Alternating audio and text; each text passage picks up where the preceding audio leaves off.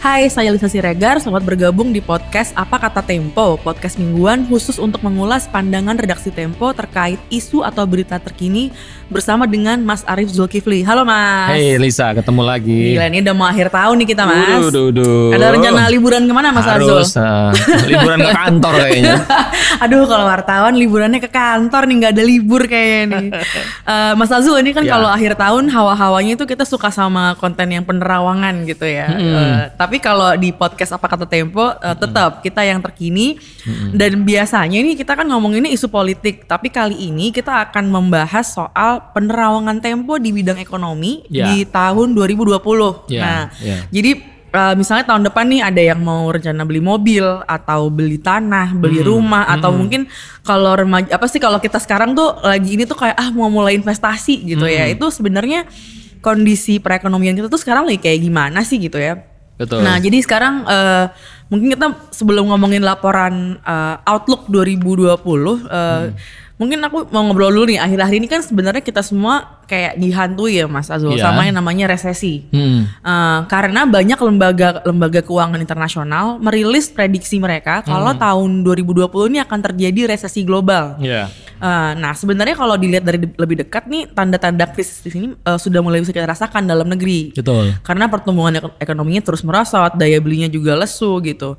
Eh, nah sekarang eh, kita nih sebenarnya nyadar apa enggak sih kalau ekonomi ini sekarang lagi sulit gitu. Jangan-jangan karena gajian terus atau ada uang jajan terus. Uh-uh. Supply dari orang tua nggak putus. Nggak putus kan jadi kayak ah enggak kali nggak ada resesi gitu ya nggak ada nggak ada krisis gitu ya tapi sebenarnya prediksi soal resesi ini harus benar-benar diperhatiin karena Presiden Jokowi sudah mewanti-wanti soal ini di pidatonya saat forum tahunan Bank Indonesia November 2019 lalu. Jadi eh, ini pakai analoginya menarik banget Pak. Nah Mas Mas Azul Hmm. jadi Pak Jokowi eh, mengibaratkan situasi ekonomi global saat ini mirip sama film Castaway Castaway. Udah nonton belum? Iya dong, Tom Hanks, Tom, Hanks. Jadi eh, ceritanya tuh tentang eh, seorang pria bernama Nolan yang dia terdampar di pulau terus berusaha bertahan hidup selama 4 tahun dan eh, dia melakukan segala usaha untuk keluar dari pulau itu dengan rakit. Tapi setelah tiba di tujuan ternyata kekasihnya udah nikah sama orang lain. Nah, ini tuh ceritanya analoginya ini kalau krisis datang Indo- Indonesia tuh jangan sampai hanya sibuk bertahan. Hmm. Tapi harus berhasil keluar dari krisis eh,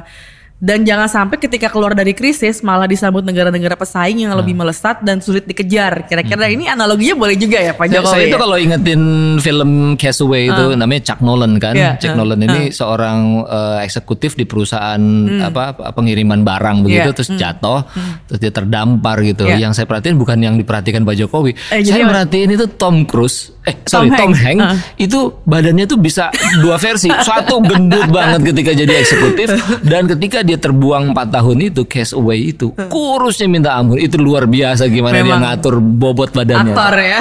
Aktor banget. Nah ini sebenarnya perus- eh, pemerintah sebenarnya sedang berusaha untuk terus menjaga supaya pertumbuhan ekonomi itu di atas 5% nih. Tapi kalau menurut pengamatan Tempo eh, ada kebijakan Presiden Jokowi yang harus disorot ya Mas dalam menghadapi eh, krisis ini gitu. Ya, ya. Tapi sebelum kita bahas soal ini kan opini Tempo resep-resep usang Jokowi Ya. dalam menghadapi krisis global. Ya. Eh, tapi kita mau tanya dulu nih Mas, temuan para jurnalis Tempo soal kondisi ekonomi saat ini sebenarnya apa aja Mas? Sebetulnya begini, eh, bayang-bayang resesi dunia itu sebetulnya bukan omong kosong Ya. ya. IMF misalnya eh, Dana Moneter Internasional sudah memprediksikan bahwa pertumbuhan ekonomi dunia pada tahun depan 2020 itu eh, hanya 3,4 persen, gitu ya. Organisasi Kerjasama dan Pembangunan Ekonomi itu eh, OECD itu lebih pesimis lagi bahkan 2 persen gitu kan. Eh, Bank Indonesia malah bikin nggak jauh aja 3,1 persen. Nah kalau udah kita bicara pertumbuhan ekonomi dunia di angka-angka segituan Dua, tiga. dua, tiga Serem ya? itu serem memang. Eh, Ibu Menteri Keuangan sendiri yang mengatakan bahwa kalau udah bicara di angka segitu ya memang kita harus siap-siap terhadap eh, resesi ekonomi dunia Nah, bagaimana dengan Indonesia? Nah, pertumbuhannya kan eh, di 2019 kan merosot terus ya. Eh, misalnya pertumbuhan ekonomi Indonesia itu drop eh, dari triwulan ke triwulan. Triwulan pertama tahun 2019 itu 507, lalu 5,05 triwulan kedua 5,02 dan sebagainya. Terus pengangguran juga mencapai 0 eh, 7,05 juta orang, naik sekitar 50 ribu dibandingin tahun lalu. Jadi jadi ada indikasi-indikasi yang yang ke arah sana gitu. Nah, itu yang mesti uh, diwaspadai. Iya, iya, iya. Mas ini kan sebenarnya yang yang selalu rame nih katanya soal perang dagang antara uh, Cina dan Amerika Serikat gitu. Sebenarnya kalau kalau kita ngomongin dampak langsungnya ke kita itu apa sih, Mas? Gini, kalau perang dagang itu kan artinya kedua pihak saling berstrategi agar uh, perdagangan dari pihak lawannya itu menjadi turun, mandek, stagnan. Kira-kira gitulah Hmm, sederhananya ya, iya. sederhananya gitu. Nah, sementara kita kan punya eh, hubungan dagang dengan Cina Iya. secara bilateral, juga punya hubungan dagang dengan Amerika. Jadi kalau itu terdampak terhadap mereka, pasti akan terdampak juga pada kita. Nah, eh, pertumbuhan ekonomi Amerika misalnya terus turun hingga 2% pada tahun triwulan ketiga tahun ini. 2% loh. Gitu. Terus Gawat eh, gawat. eh, terus eh, Tiongkok, Cina itu memang masih baik tapi juga drop sampai 6% gitu. Jadi ada penurunan-penurunan. Ini mesti kalau ki- kita mesti definisikan atau kita bumikan Iya. ke level yang lebih Hmm, ini iya, ya benar, gitu. Mas, Jadi benar. kalau misalnya kalau misalnya eh, perang dagang dan kita terdampak apa dampaknya? Oh macam-macam. Misalnya eh, pada harga ya, pada harga. Kita kan banyak mengimpor barang-barang Cina tuh Iya. yang kita beli di .com.com gitu ya, marketplace itu kan Iya. banyak barang-barang Cina itu akan terpengaruh begitu. Eh, dan lain-lain dan lain-lain juga misalnya eh, produk-produk lain. Jadi dampaknya itu bisa bisa ke mana-mana gitu. Mungkin uang yang dikasih sama orang tua kita atau gaji yang kita terima tidak berubah, tapi nilainya menjadi turun, Berkurang. berkurang. Nah, Kalau kita bisa nongkrong di kedai kopi misalnya cukup dengan 50.000 ribu, nanti mungkin nggak cukup lagi gitu. Apalagi traktir pacar gitu. Mahal. Mahal.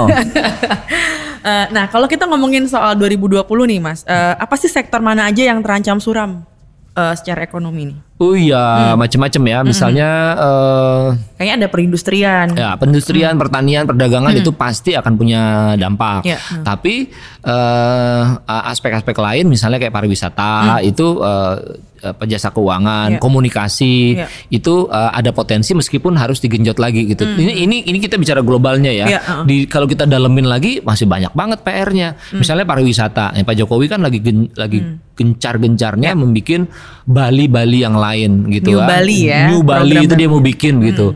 Oh ya memang, tapi itu juga nggak bisa langsung. Betul. Kita bicara resesi krisis ekonomi 2020 ini bisa nggak bisa dua, langsung 2020 gitu. Karena eh, apa namanya eh, wisata New Bali itu membutuhkan infrastruktur, membutuhkan budaya baru dari warga setempat, Ya. budaya pelayanan dan sebagainya gitu. Kalau Bali kan sudah terbentuk selama puluhan tahun gitu. Sudah dewasa banget, Sudah dewasa ya. banget. Nah, yang tempat-tempat baru ini gimana? Terus orang bicara lagi misalnya, eh kan kita udah bikin infrastruktur keren-keren tuh, jalan sekarang eh, Trans Jawa, Trans Sumatera, Pantura itu sekarang cepet banget. Itu dampaknya apa? Ya ada dampaknya, tapi itu panjang banget. Infrastruktur tuh nggak bisa dinikmati dalam waktu pendek atau menengah itu adalah proyek-proyek jangka panjang. Jadi nanti 5-10 tahun lagi kita akan bisa merasakan dampak dari proyek-proyek infrastruktur itu gitu Tapi kalau sekarang masih tusun ya, Mas, untuk eh, untuk terlalu merasakan terlalu itu. dini untuk mengatakan itu. Nah, terus jadi apa nih gitu kan? Hmm, jadi apa betul. nih gitu? Ha. Yang paling penting menurut saya adalah menjaga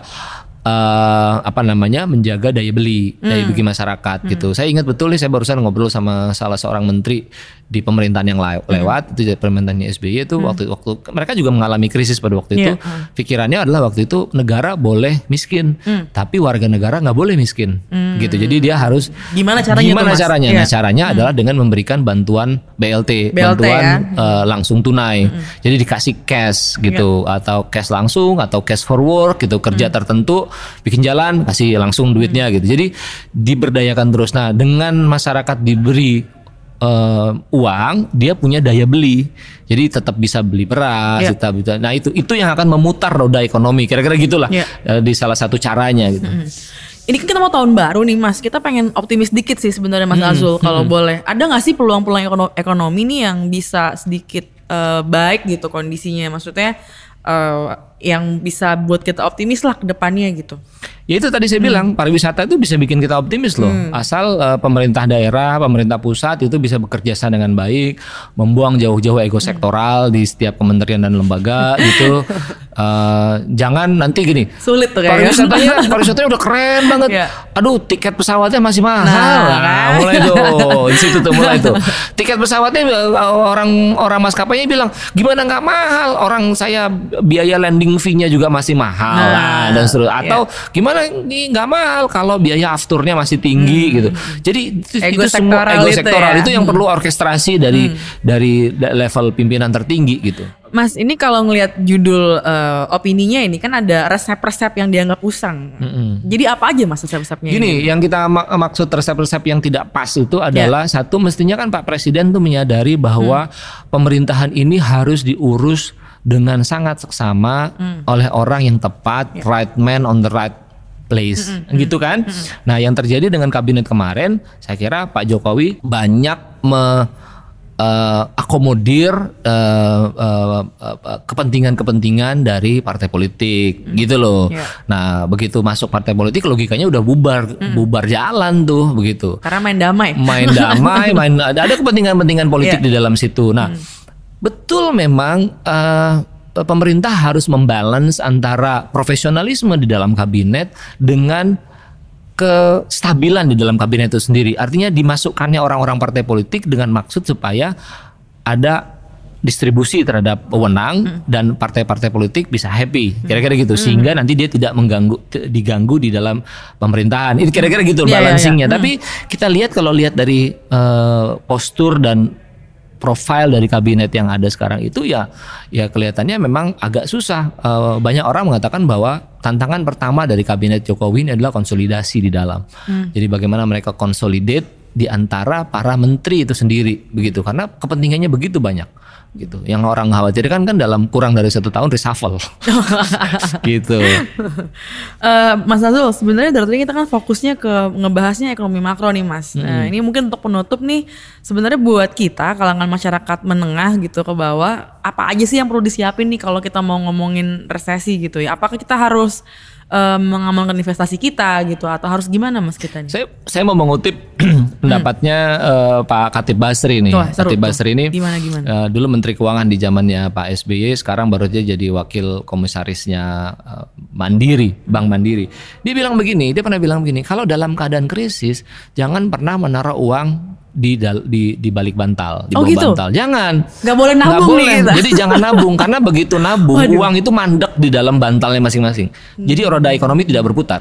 Jadi apa yang mesti dilakukan? Belanja. Baik, kita semua akan belanja. Setuju ya? Hadiah tahun baru, Hadiah, hadiah tahun baru. Natal Jadi, dan tahun baru. jadi menurut dia kalau ada uang belanjakan karena begitu kita Hmm. belanja ada orang yang menerima uang dan pada akhirnya kita juga akan menerima uang karena kita juga menda- menda- membelanjakan uang dari mendapatkan uang gitu kan.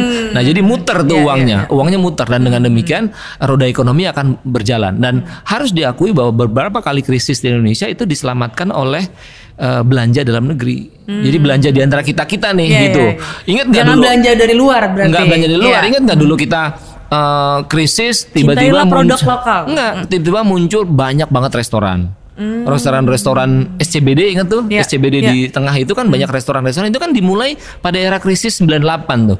Ya, yang yang restoran yang bangunan-bangunannya semi permanen, dibikin lucu-lucu dari kontainer dan Iya, sebagainya. Itu itu adalah usaha-usaha eh, yang berbiaya tidak bermodalkan tidak banyak, tapi memutar ro- roda. Dan dan bisnis makanan itu nggak mengenal krisis katanya kan? Iya, Gitu. karena orang akan muakannya selalu makan. senang banget makan dan nongkrong. makin stres makin perlu makan Makin dan senang perlu nongkrong. makan. gitu. Oke, berarti eh, kesimpulannya kita harus belanja, Mas. Harus belanja, harus belanja kalau menurut belanja. Basri, ya. Jadi kita nurut aja deh Pak Hatip Basri ya, Mas. Kan dia yang lebih paham daripada. Eh, demikian podcast apa kata Tempo kali ini. Kalau ingin bergabung dengan diskusi kita, bisa mention di Twitter di @tempo.co atau ke Mas Azul di Arif Zaid underscore Tempo. Nah, dengan hashtag apa kata Tempo. Apa kata Tempo adalah podcast kerjasama antara Tempo dengan Gentle Media Network. Ikuti terus episode terbarunya setiap Kamis di podcast.tempo.co atau di platform streaming kesukaan kamu, Spotify, Google Podcast, Apple Podcast, semuanya pokoknya. Sampai jumpa minggu depan. Terima kasih. Dadah.